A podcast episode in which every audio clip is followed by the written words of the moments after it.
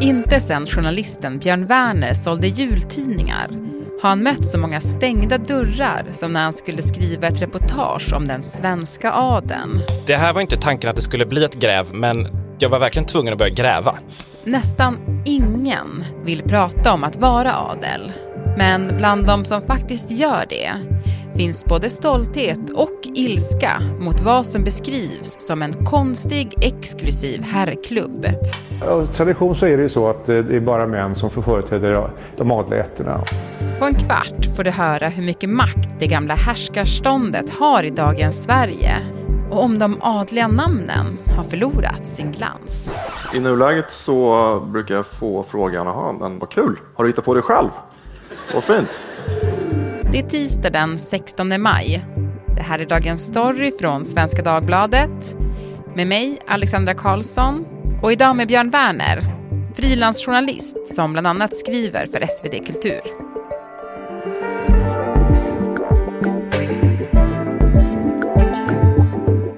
Björn, först måste jag ju fråga vad du har för relation till adeln. Eh, ingenting alls. Eh, jag är från Borås. Det är kanske den oadligaste staden i Sverige, skulle jag säga. Verkligen. Sen efter det, från Borås, så flyttade jag till Göteborg. Också en superoadlig stad. Så jag är ganska nyinflyttad i Stockholm. Här är ju alla adliga däremot, så det är någonting annat. Exakt, nu träffar du dem hela tiden. Exakt. Men du, du har ju också skrivit ett reportage om adeln Mm. eh, här i Svenska Dagbladet. Eh, varför det? Ska jag vara helt ärlig så var det ett utlägg från redaktör Elsa Westerstad. Ja. Men eh, det för hon har ju ett gott skäl till att lägga ut jobbet som jag ju köpt det med hull och hår. Alltså det är ju faktiskt så att eh, nu är det då 20 år sedan de blev av med alla sina adelsprivilegier. Eh, men egentligen var det faktiskt typ 150 år sedan som de faktiskt rök, det vill säga 1866, när ståndsriksdagen upplöstes och blev en tvåkammarriksdag. Men trots det så är det ändå, det finns en naggande känsla av att adliga fortfarande har någon form av inflytande och makt. Exakt vad, det vet man inte riktigt och det tyckte var, det var lite förutsättningen, eller idén när jag gick ut här och undersökte. Ja men precis, för man tänker ju att de har väldigt mycket makt. Det, delvis är det ju sant, det finns ju en eh, oproportionerligt stor del rika adliga jämfört med eh, andra, givet att det är en ganska liten grupp på 25 000 pers. Men det är ju också så att det finns en hel del helt vanliga personer som också har ett sånt lite speciellt efternamn och möter eh, eh, omvärldens blickar och tankar utifrån det ändå. Så det här reportaget försökte fånga in båda de här delarna. Och du, det var inte helt enkelt att få adeln att prata. Nej, Eh, framför allt inte när jag just eh, ansträngde mig för att nå de här mer stereotypa adliga. Sådana som har gods och som har stora högar med pengar eller har väldigt fina styrelsepositioner. Många av dem är superointresserade av att prata med mig. Alltså verkligen antingen svarar inte alls eller sa tack, vänligt tack men nej tack eller skämtade bort och sa att äh, vi har det så bra uppe på toppen, det är, det är inget för mig. Det var Eh, kul i och för sig. Ja, det var kul. Men, eh, och det var ju också så att då försökte jag ändå på de här, att vinna dess förtroende genom att gå typ via bekantas bekanta, till och med via så familjekopplingar, inte från min familj, men min, på min flickväns sida och så vidare. Men det spelar ingen roll i alla fall. Tack men nej tack, vi ska inte, jag vill inte prata om det här. Ja. Men du, du gav det ju inte. Nej, Och en sak som du, det är så kul att säga att du var tvungen att göra, det var väl säkert roligt också, men det var ju att ta en lunch med journalisten och författaren Björn af Kleen, Ja. som du beskriver också i din text som är väldigt kul. Eh, varför ringde du Björn?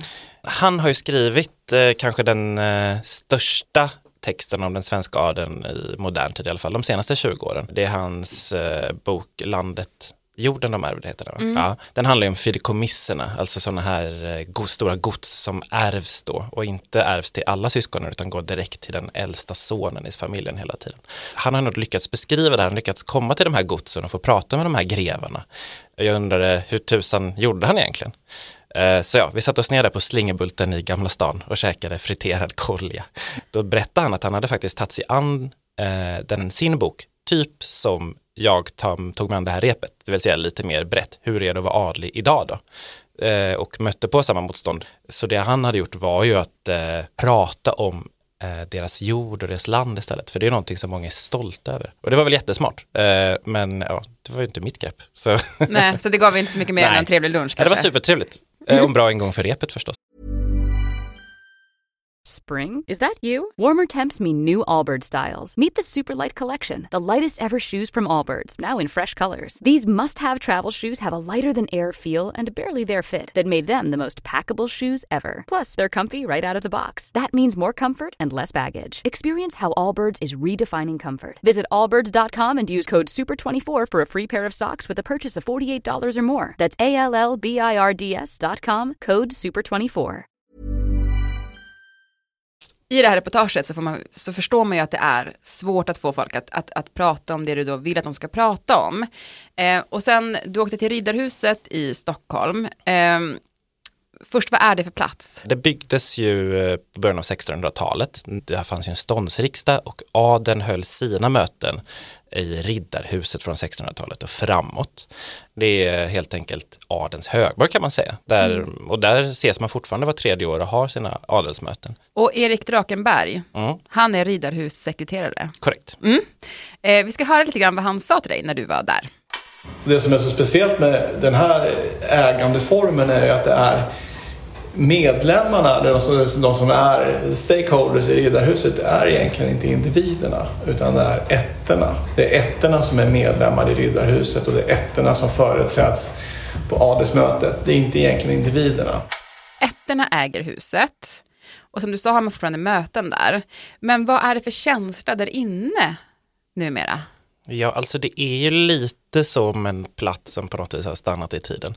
För från 1866 och framåt har man i princip inte ändrat ett skvatt. Eh, det var ju då som ja, man helt enkelt eh, slutade ha makt i adeln eh, på något sätt, alltså formellt. Så det är väldigt så en anrik men också antikverad stämning någonstans. Men också sen fick vi gå in bakom också. Vi var inte bara ute i de här stora delarna i Riddarhussalen och så vidare där man håller mötena.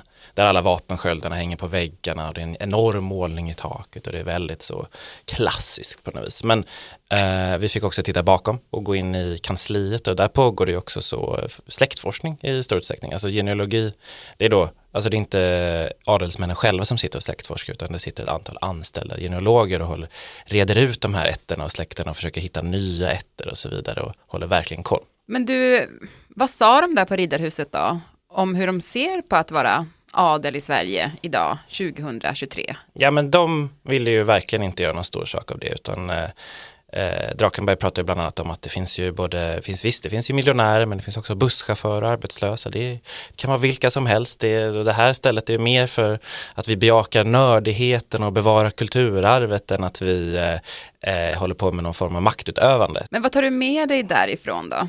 Vad tänkte du när du var, gick därifrån? jag känner mig inte helt tillfredsställd när jag gick därifrån. Det är ju sant som man säger att det finns ju eh, 25 000 adliga i Sverige och det är klart att inte de allra, allra flesta av dem inte har några speciella privilegier på det sättet. Men samtidigt så kändes det också som att eh, om man nu vill jobba med transparens och öppenhet så tror jag att det är bra också att erkänna att ja, till viss del så finns det fortfarande någon form av makt och till och med ansträngt sig för att försöka beskriva vad det kan vara. Och jag upplevde att eh, Riddarhuset nog ändå jobbade för att tona ner den eh, och, och visa på hur lite makt adlig har och verkligen bara berätta att det här är en mysig pysselstuga för historienördar. Eh, och om det bara var det, då vet det tusan om de har hållit på.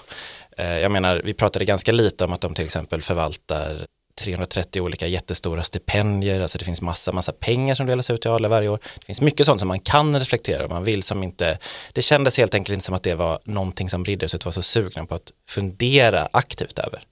Eh, Och det var ju också lite speciellt att Riddarhuset också skickade med sin kommunikatör som satt bredvid hela tiden. Det har gått över 150 år sedan adeln tappade sin egentliga makt. Man kan gott prata om den eventuella makten som finns kvar eller verkligen och reflektera öppet kring det utan att det gör ett skvatt tror jag. En som ändå ville reflektera lite grann kring det, det var ju då författaren Niklas Natt och Dag, Mm. som du också har träffat. Vi kan börja med att höra vad han säger ett vanligt missförstånd kring just adelsfamiljer. En, en annan omständighet som, är, som jag tror inte är speciell för oss utan förmodligen väldigt allmän som, som liksom berör majoriteten av de som har ett adligt namn. Det är att det finns ju ingenting kvar. Ska man ha liksom en adlig kultur inom sin familj då krävs det väl nästan att du har antingen så här, någonting att ärva. Alltså antingen pengar eller eh, ägor av något slag. Nattedag var ju liksom stormförmögna tills en, liksom, en glad gamäng förverkade hela arvet. Det fanns pengar men de försvann. Exakt, ja det var någon som sjabblade bort. Det var, han visade en lång lista där på alla gårdar och gods och ägor som Natt och Dag hade haft där på 1700-talet. Och det var nästan svårt att förstå hur en person lyckats eh, sätta sprätt på alltihop, men det gick uppenbarligen. Mm. Sen dess hade det inte varit så ärorikt som man kan tänka sig. Nej, men för, vad sa han mer då kring att vara adel? Förutom det här då att man alla inte är rika på ett personligt plan så verkade det inte bara varit kul utan till exempel hade han stört sig på när han gick i skolan att folk retade honom för greven. Han kände sig eh, ställd, ställd utanför gruppen med sitt namn och det tyckte inte han var i princip kul. Mm. Alltså så den aspekten var ju absolut något som vägt. Eh, samtidigt som han också verkar ändå uppskatta och gilla att ta det här långa historiska eh, bakåt. Att han faktiskt, att man, och inte minst att man Eh, kan ha koll på sin släkt så långt bakåt. Det är ju väldigt få som har den möjligheten. Det verkar han uppskatta. Alltså, han, han håller på att skriva en ny bok nu faktiskt om just eh, natt och dagsläkten på 1400-talet. Eh, där han ju verkligen har jättestor användning av att det är så mycket som är bevarat. Alltså det finns ju allting, finns ju Riddarhuset. Mm.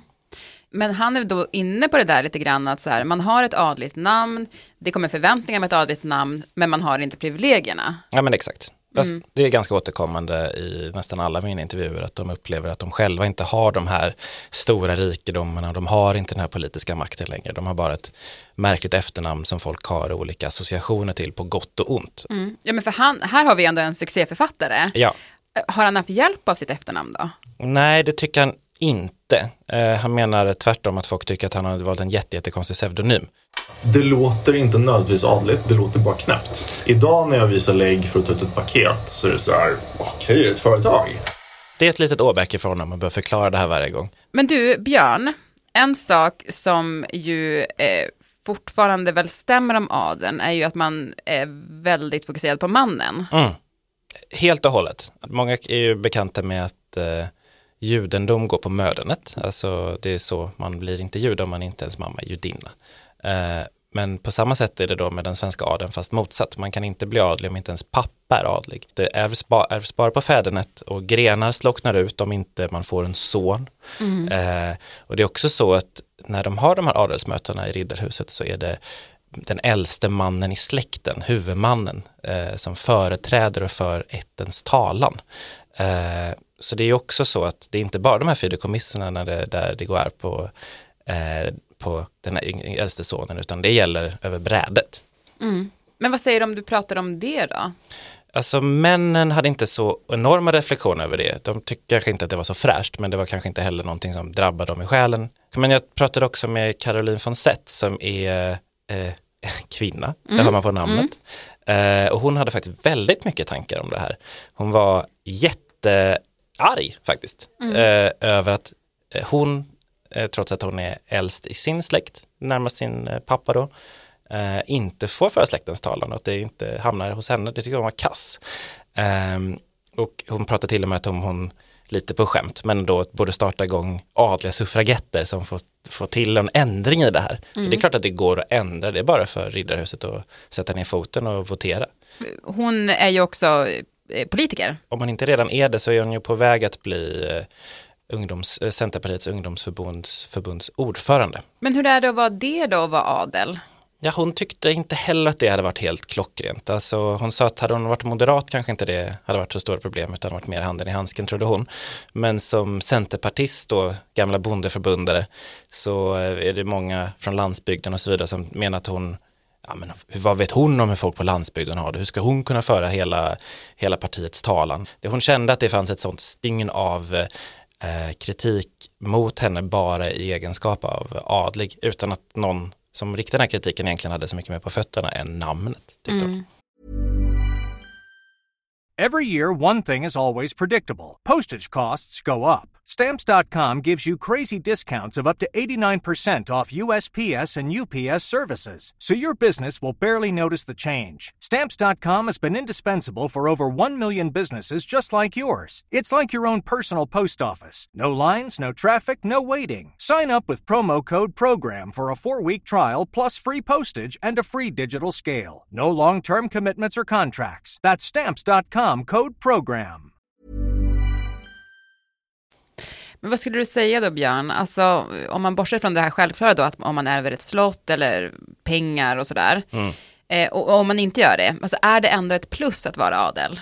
Ja, det tror jag faktiskt. Alltså det finns två skäl till det. Ett, även om man inte ärver pengar så är det väldigt stor chans att man kan lyfta något stipendie. Eh, så jag tror att inte minst blir det lättare att ta sig igenom studietiden om man är adlig för att man får, många får helt enkelt tillskott från Riddarhuset. Det är fortfarande fler personer med adlig efternamn som finns i fina yrken som läkare, juridik men också bara högre utbildning i allmänhet. Åtminstone så sent som 2012. Och jag tror att en anledning till det beror, är delvis stipendierna. Det är inget jag har belägg för men det är en stark känsla. Och del två, ja, jag tror absolut att det är, om det är någonting så är det positivt och inte negativt. Det är den gamla härskarståndet i Sverige som ändå varit med och regerat landet eh, ihop med monarkin i eh, 500 år. Eh, sen de senaste 150 år nej, men eh, fram dessförinnan, ja. Det är klart att det fortfarande sitter kvar någonstans. Så länge de här namnen har en laddning så påverkar det och jag tror att det påverkar mer positivt än negativt. Hur ser framtiden ut då för den svenska adeln? Jag tror att adeln gör klokt i att ändå se över sitt jämställdhetsarbete faktiskt. Jag tror att Riddarhuset faktiskt, även om de bara tycker att det här bara angår dem, adeln, så tror jag att det kan hända någonting. Jag vet inte vad, men någon skandal kan uppstå och plötsligt så riktas blickarna mot den här jättekonstiga verksamheten. Och då när, de, när allmänhetens blickar faktiskt på riktigt är intresserade av den här jättekonstiga verksamheten så kommer den ju framstå som otroligt konstig om man inte ens, om det till och med är som det är nu, är en konstig exklusiv herrklubb eh, där kvinnor inte är välkomna på samma villkor som män. Alltså, det är det allra minsta tycker jag och det tror jag är en bra idé att helt enkelt votera om och följa Caroline von Setts eh, förslag. Du, tack så jättemycket Björn. Tack själv. Och dagens program producerades av Mattias Dellert och du Stina Fischer, du var redaktör och nu är du här nere i studion för att prata lite om att vi söker kontakt med er som lyssnar på Dagens Story. Ja, för vi är jättenyfikna på vad du som lyssnar tycker om dagens story och ska därför göra ett par intervjuer om det. Vill du vara med? Maila då ditt namn och nummer till dagensstory.svd.se och skriv intervju i ämnesraden så hör vi av oss till dig. Och vad, vad händer då? Jo, då bokar vi in en videointervju för att höra mer om vad ni tycker och som tack så väntar en liten present. Toppen. Och då mejlar man alltså dagensstory.svd.se. Spring? Is that you? Warmer temps mean new Allbirds styles. Meet the Superlight Collection, the lightest ever shoes from Allbirds, now in fresh colors. These must have travel shoes have a lighter than air feel and barely their fit that made them the most packable shoes ever. Plus, they're comfy right out of the box. That means more comfort and less baggage. Experience how Allbirds is redefining comfort. Visit allbirds.com and use code SUPER24 for a free pair of socks with a purchase of $48 or more. That's A L L B I R D S.com, code SUPER24. Och klippen i programmet kom från Aftonbladet och Riksantikvarieämbetet.